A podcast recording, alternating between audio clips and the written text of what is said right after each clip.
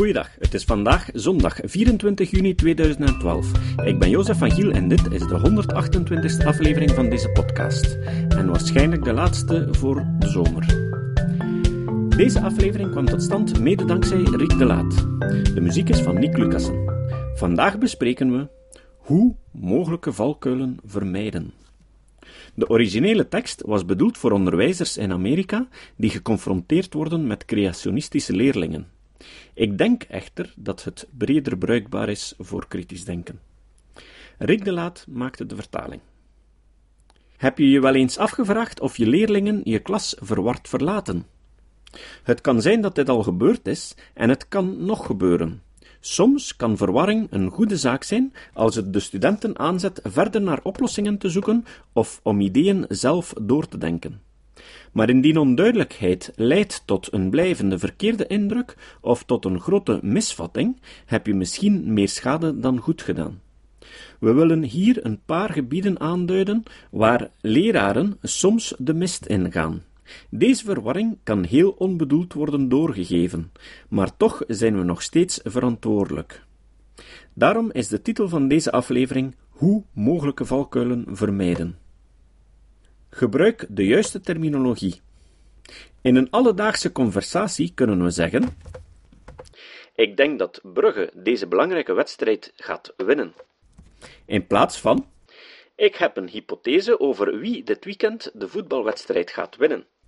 De tweede versie lijkt hoogdravend, maar taalkundig is ze volkomen juist. In de klas, in tegenstelling tot in het alledaagse leven, moeten we gebruik maken van juiste termen, zeker wanneer woorden zowel populaire als wetenschappelijke definities hebben die niet noodzakelijkerwijs overeenstemmen. Functie niet verwarren met doel. Het doel van een hamer is het inslaan van nagels. Eén functie van een hand is een hamer vasthouden. Ontworpen instrumenten hebben een bedoeling. Structuur van het gedrag van levende wezens zijn functies. Dit is een belangrijk onderscheid in de wetenschapsklas. Bewijsmateriaal is niet hetzelfde als een bewijs in de wiskunde. We horen vaak nieuwsberichten waarin de spreker het heeft over het hebben van voldoende bewijs. Dit is een voorbeeld van de verwarrende termen bewijs en bewijsmateriaal. De term bewijs wordt gebruikt in de geometrie en in rechtbanken, maar hoort niet thuis in de wetenschap. Wetenschappers verzamelen bewijsmateriaal om hypothesen te ondersteunen of te ontkrachten. Hypothesen en theorieën kunnen heel goed ondersteund worden door bewijsmateriaal, maar worden nooit bewezen. Primitief en geavanceerd. Een leek zou kunnen denken dat een buidelrat primitiever is dan een kat. Meer gespecialiseerde vormen van leven worden vaak als meer ontwikkeld gezien. Maar ook al heeft een buidelrat een aantal opvallende voorouderlijke kenmerken behouden, ze zijn aan hun omnivoor gedrag evengoed aangepast en net zo succesvol en modern als katten. Sabeltandtijgers waren nog meer dan de huidige katten gespecialiseerd en een verandering in hun omgeving heeft hen snel doen uitsterven. Theorie versus hypothese. Een theorie is een verklaring. De geldigheid van een theorie berust op het vermogen om fenomenen te verklaren. Theorieën worden ondersteund, afgewezen of gewijzigd op basis van nieuw bewijsmateriaal. De zwaartekrachttheorie probeert bijvoorbeeld de aard van de zwaartekracht uit te leggen. Celtheorie verklaart de werking van de cellen. Evolutionaire theorie verklaart de geschiedenis van het leven op aarde. Een hypothese is een toetsbaar idee.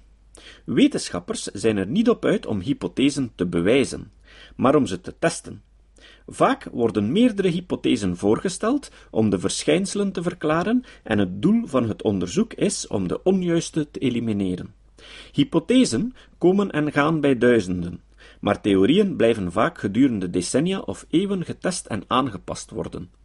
In de wetenschap zijn theorieën nooit ingevingen of gissingen, en de evolutie als alleen maar een wilde theorie beschrijven, alsof het een wilde gok is, is ongepast.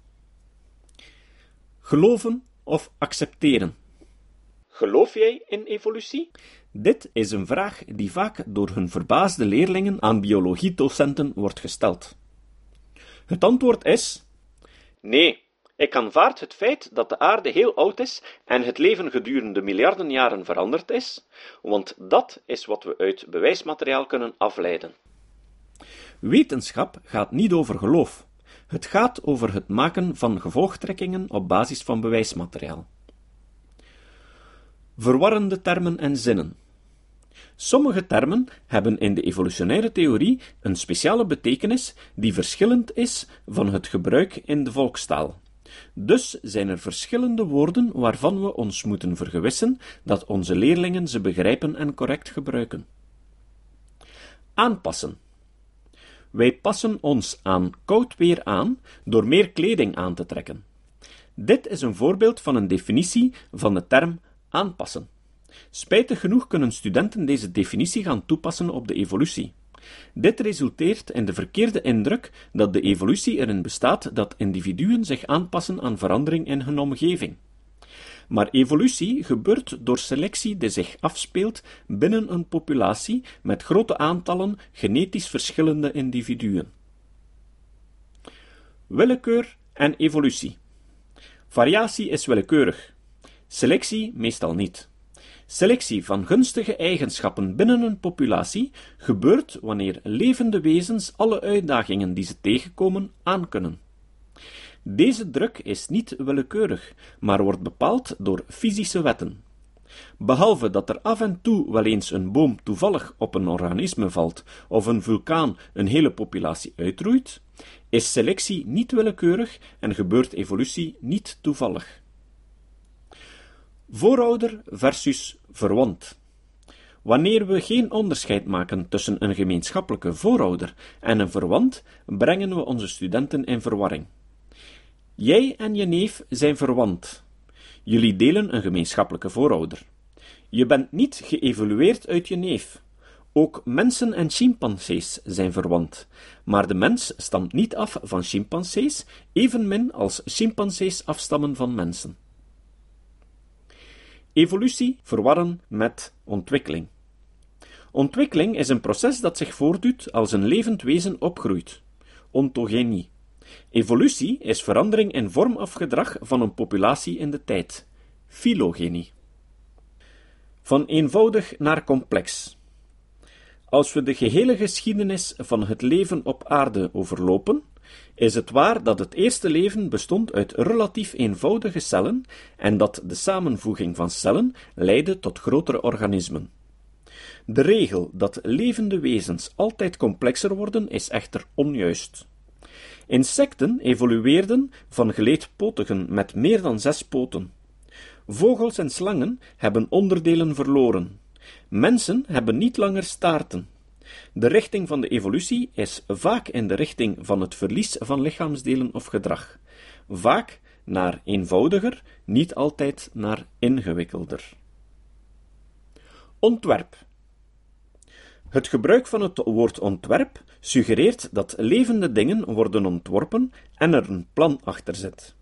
Het gebruik van termen als structuur en aanpassing is beter. Bijvoorbeeld, hoe is een aardvarken ontworpen om mieren te eten? Kan worden vervangen door Hoe is een aardvarken aangepast aan het eten van mieren? Of door Welke structuren en gedrag helpen een aardvarken bij het eten van mieren? De verkeerde indruk laten. Net wanneer je denkt dat alles heel goed is gegaan, stelt een student een vraag en je blijft achter met het teleurstellende gevoel dat je helemaal fout begrepen bent. Bepaalde keuzes van woorden, zinnen en zelfs activiteiten kunnen, als ze zorgeloos worden gebruikt, de student achterlaten met een verkeerde indruk. Evolutie als verbetering. Verwijzend naar de evolutie als vooruitgang, verbetering of meer geavanceerd worden, houdt in dat het verhaal van het leven een opgaande richting heeft, die er helemaal niet is. Survival of the fittest. Overleving van de best aangepaste.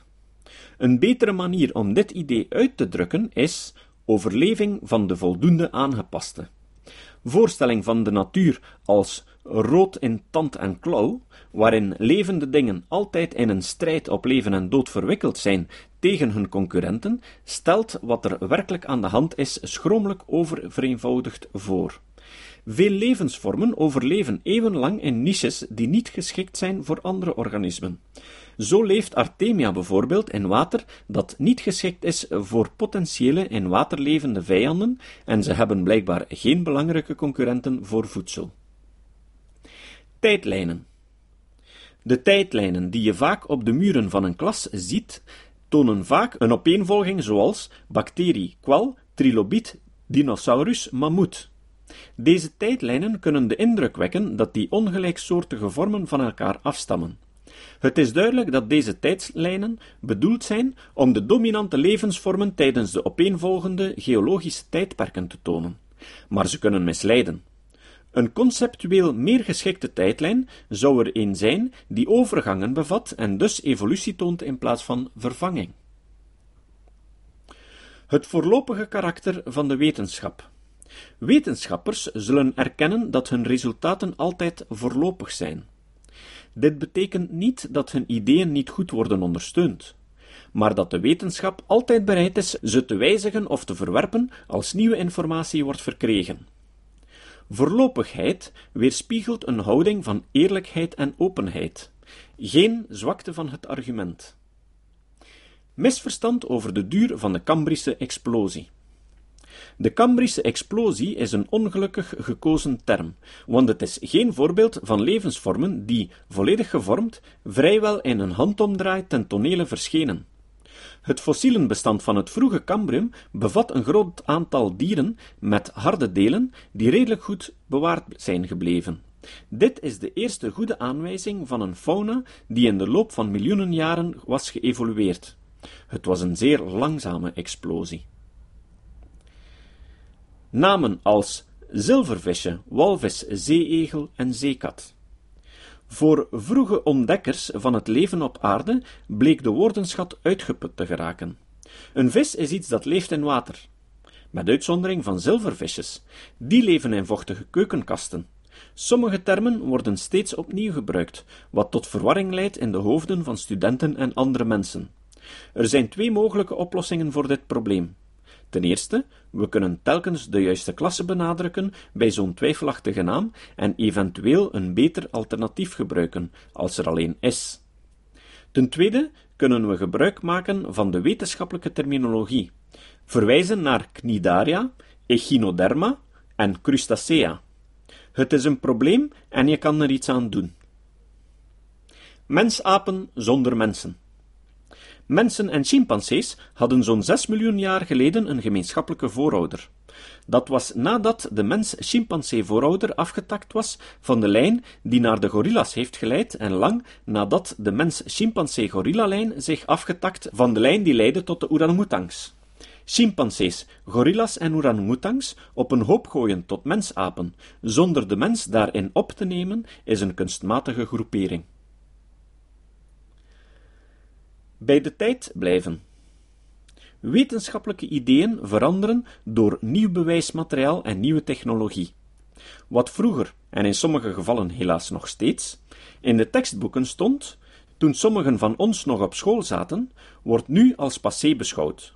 Hier hebben we ook enkele bijzondere gevallen waarin het op de hoogte blijven van de wetenschap essentieel is om te voorkomen dat er bij studenten misvattingen ontstaan, doordat wij die van ons op hen overbrengen. Ontbrekende schakels. De onvolledigheid van het fossielenbestand is een feit. Nog elk individueel levend wezen, nog elke soort is als fossiel bewaard gebleven, laat staan ontdekt voor analyse.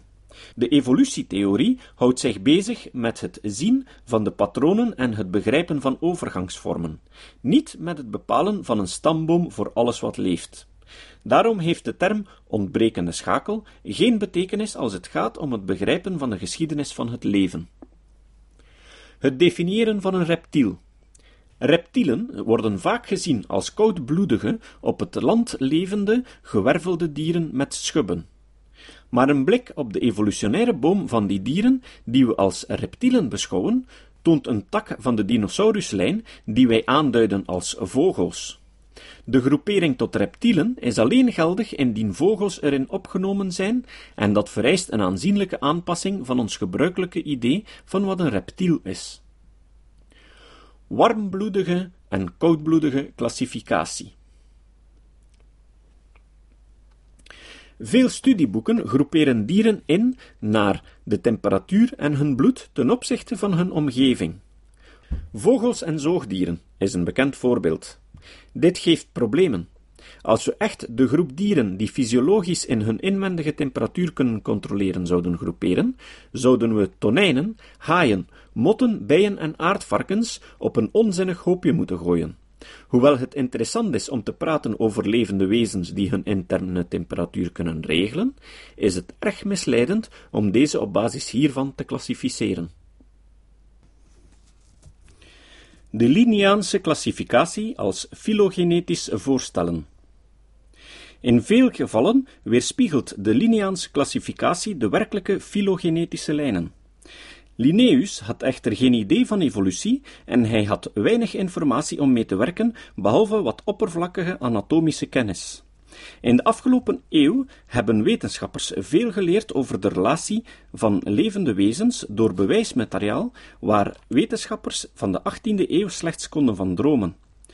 Zo zijn veel van de oorspronkelijke groeperingen die Linnaeus voorstelde nu onjuist, meer gebaseerd op convergente evolutie dan op gemeenschappelijke voorouders. Wetenschappers blijven echter het Linneaanse systeem gemakshalve gebruiken en er is op dit moment geen reden om het volledig uit het wetenschappelijk curriculum te bannen. Twee of vijf koninkrijken. Vijftig jaar geleden waren alle levende dingen ofwel planten ofwel dieren. Dan moet je schimmels bij het plantenrijk persen en trilhaarprotisten als dieren klassificeren. Een paar decennia later vonden sommige wetenschappers dat vijf koninkrijken meer aangewezen zouden zijn. Het vijf koninkrijken systeem loste enkele problemen op, maar kon er toch niet alle levende dingen in onderbrengen. De meest recente pogingen om een kaart van al de levende wezens te tekenen, laat koninkrijken vallen ten voordele van flexibele domeinen. Honden en beren zijn verwant, omdat ze gelijkaardige kenmerken delen. De formulering van deze verklaring is misleidend. Ze verwart bewijsmateriaal met oorzaak. Een betere manier om dit te zeggen is: Fysische overeenkomsten tussen honden en beren vertellen ons dat ze verwant zijn. Vergelijkbare kenmerken hebben is niet de oorzaak van verwantschap. Verwantschap komt door gemeenschappelijke voorouders, en dat is alles. Haeckel's embryo's. De 19e-eeuwse Duitse bioloog Ernst Haeckel vond opmerkelijke overeenkomsten bij embryo's van gewervelde dieren tijdens hun ontwikkelingsstadia. Dit is een belangrijke constatering, omdat deze overeenkomsten op gemeenschappelijke voorouders voor gewervelde dieren wijzen. Helaas heeft Haeckel in zijn enthousiasme om zijn gelijk te halen de tekeningen van deze embryo's blijkbaar wat bijgewerkt, om ze meer op elkaar te laten lijken dan eigenlijk het geval was. Deze bewerkte schetsen, of daarvan afgeleide versies, zijn sindsdien in veel biologieboeken verschenen en werden daarmee koren op de molen van anti-evolutionisten. Maar Haeckel's trucje neemt niets weg van het feit dat de embryonale ontwikkeling veel informatie over de evolutie van de gewervelde dieren biedt. De peper- en zoutvlinder of berkenspanner.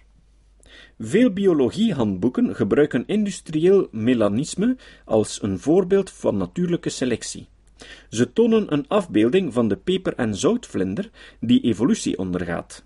Helaas zijn veel foto's van motten uit het boek van geconserveerde exemplaren, vastgeprikt op boomschors. Als jouw handboek deze foto's bevat, let er dan op dat de vleugels van de motten in onnatuurlijke posities gemonteerd kunnen zijn.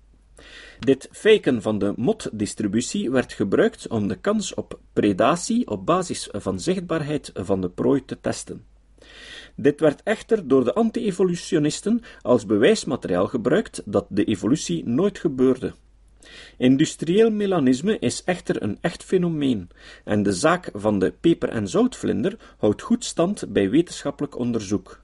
De bevolking van donkere motten steeg en daalde in reactie op industriële vervuiling, en dit was het meest opvallend in de regio's van het platteland met een hoge graad van vervuiling. Activiteiten. Evolutie is moeilijker waar te nemen dan bijvoorbeeld Newtoniaanse fysica. Daarom voeren we in de klas vaak activiteiten uit die bedoeld zijn om analoog te zijn aan evolutie en hoe wetenschap te werk gaat. Dit kan echter leiden tot misverstanden. Fossielen maken. Een veel voorkomende activiteit voor jonge kinderen is om ze fossielen te laten maken, door schelpen in klei of gips te drukken. Hoewel dit duidelijk laat zien hoe een rots mallen en afgietsels kan bevatten, kan het kinderen misleiden over het proces waarbij fossielen in de natuur worden gevormd. In de meeste gevallen worden schelpfossielen gevormd wanneer schelpen door sediment worden bedekt en het sediment na verloop van tijd verhardt. Dit is iets heel anders dan het pletten van schelpen tussen twee kleiplaten.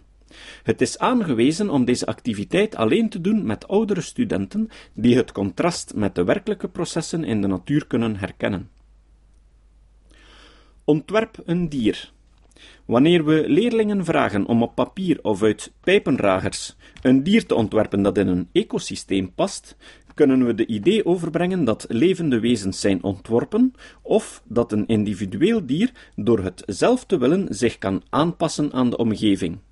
Dit is verre van de wetenschappelijke opvatting dat levende wezens in de loop van de tijd zijn aangepast aan hun milieusituatie door middel van genetische variatie en natuurlijke selectie.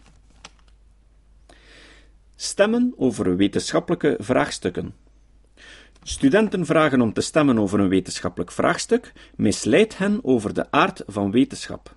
Wetenschappers stemmen niet over vraagstukken. Ze debatteren, discussiëren, argumenteren en wedijveren.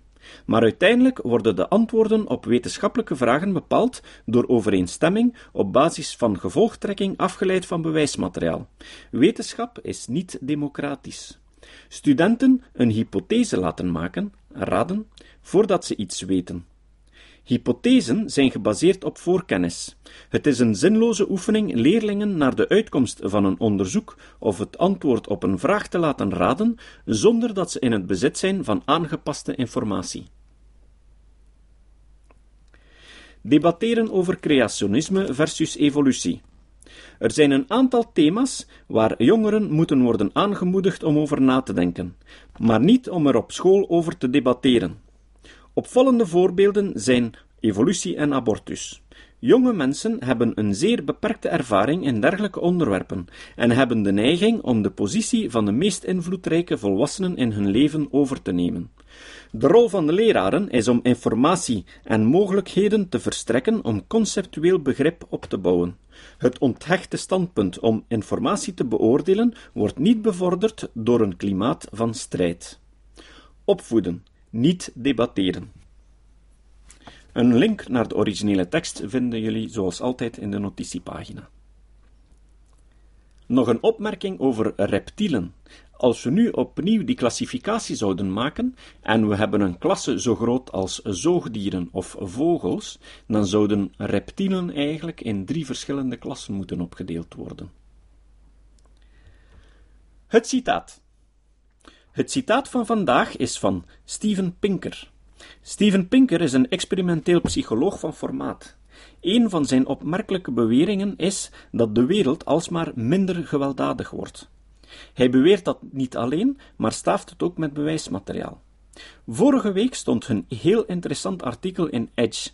Daarin geeft hij de definitie van evolutie. Het komt neer op hetzelfde als wat je overal vindt en wat ik elders in deze podcast ook al eens gaf, maar ik vond zijn verwoording zeer helder en interessant. Vandaar dat ik het hier als citaat breng. De kern van natuurlijke selectie is dat als replicatoren verschijnen en kopieën van zichzelf maken, 1. hun aantal onder ideale omstandigheden de neiging hebben om exponentieel te stijgen. 2. Ze noodzakelijkerwijs zullen moeten strijden voor de eindige bronnen. 3. Sommige willekeurige kopieerfouten zullen ondergaan. Willekeurig in de zin dat ze hun effect in de huidige omgeving niet anticiperen. En 4. Welke kopieerfout er ook gebeurt, dat ervoor zorgt dat de replicatiesnelheid verhoogt, zal gecumuleerd worden in de afstamming en overheersen in de populatie. Tot de volgende keer. Dit was de podcast Kritisch Denken. Vergeet niet om alles kritisch te behandelen, ook deze podcast. Voor verdere informatie over deze podcast, links en voor de tekst, surf naar www.kritischdenken.info. Als je deze podcast belangrijk vindt, kun je me steunen door anderen warm te maken ook eens te luisteren. Stuur een e-mail naar vrienden met een link naar de website en plaats de link in de handtekening van je e-mails. Tevens kun je op iTunes deze podcast een beoordeling geven of een recensie schrijven. Of je kan op je eigen website of blog een link naar kritisch denken plaatsen.